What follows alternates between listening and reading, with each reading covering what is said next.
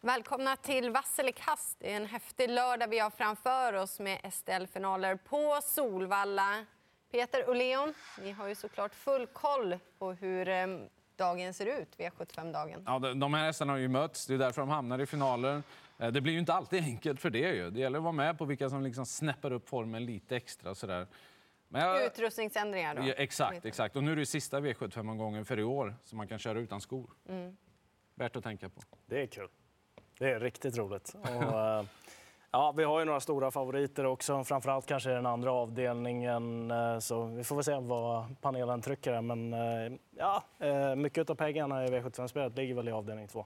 Kan vara så. Så är det. Jaha. Men vi börjar med V751 såklart, som vanligt. Och det är stoeliten. Och även om de här har mötts flera gånger om, man borde egentligen kunna veta vem som är bäst. Men det är ganska jämspelat, även om tre Melby Free är favorit. Ja, eftersom jag gästar, får jag börja då? Det får du gärna göra. Snälla ni. Jag tycker rött. Eh, jag tycker att det mest spännande här är Hevin Boko nummer två.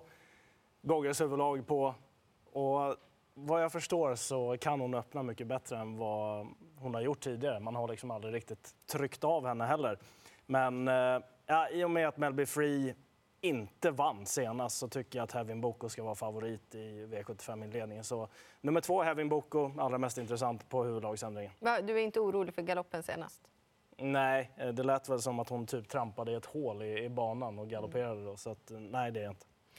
Jag gör så där också. Jag tycker det är intressant även Boko med utrustnings eller huvudlagsändningen. Då. Melby Free men hon är ju otroligt bra, men frågan är är formen där på topp. Eh, jag tycker sex Dear Friend är riktigt eh, vass. Hon, ska, hon är given häst att ta med.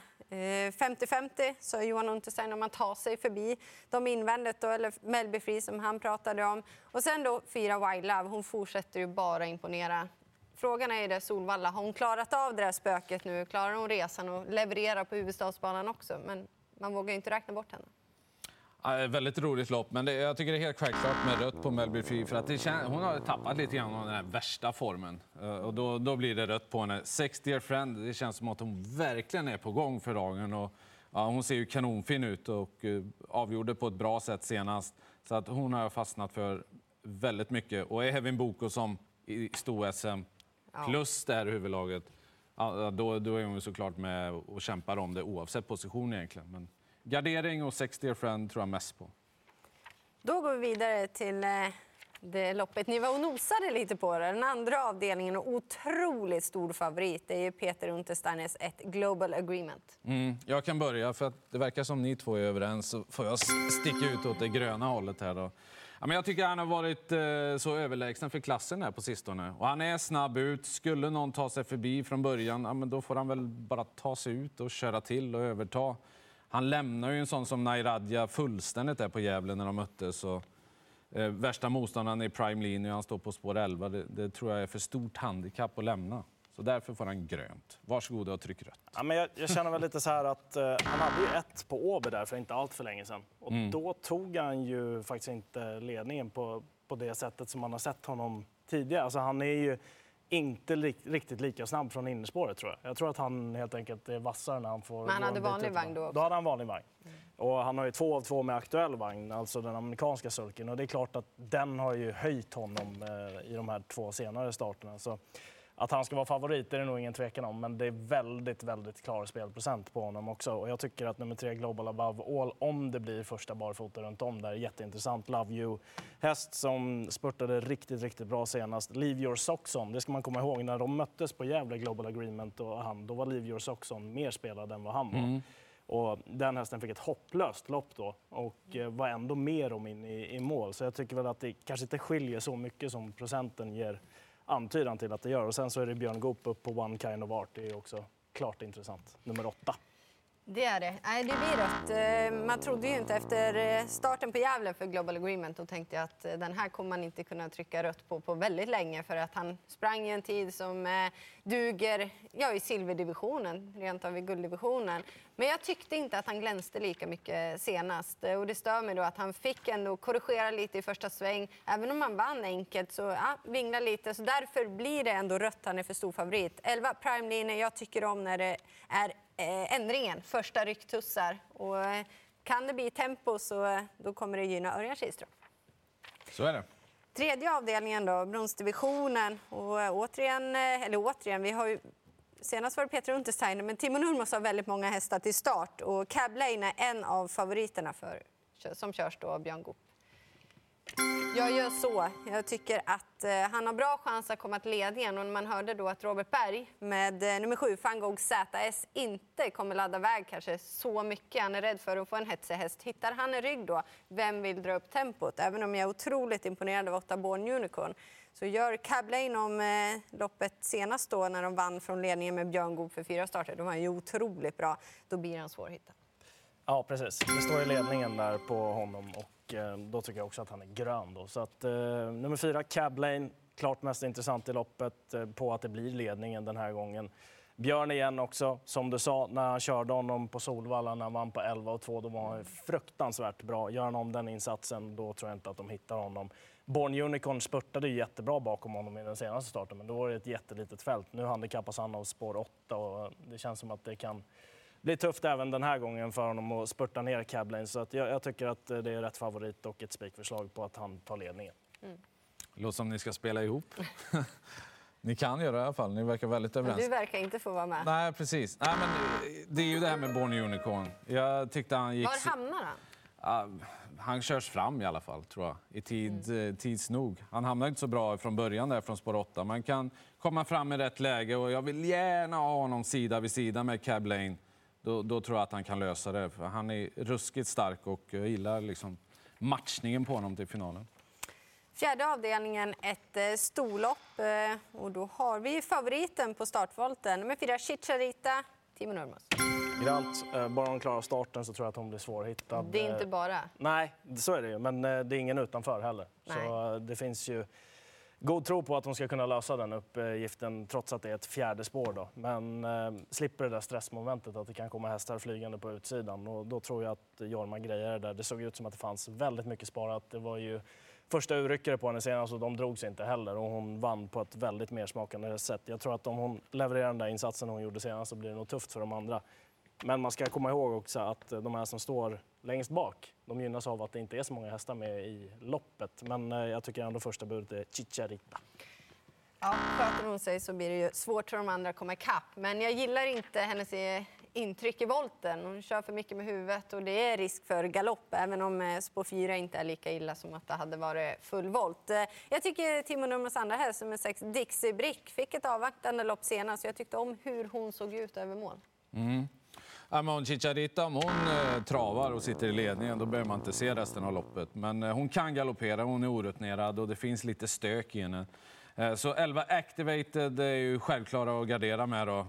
Mycket bra avslutning senast, trots att hon bara blev sexa. Men det var mot tuffa hästar från svårt läge.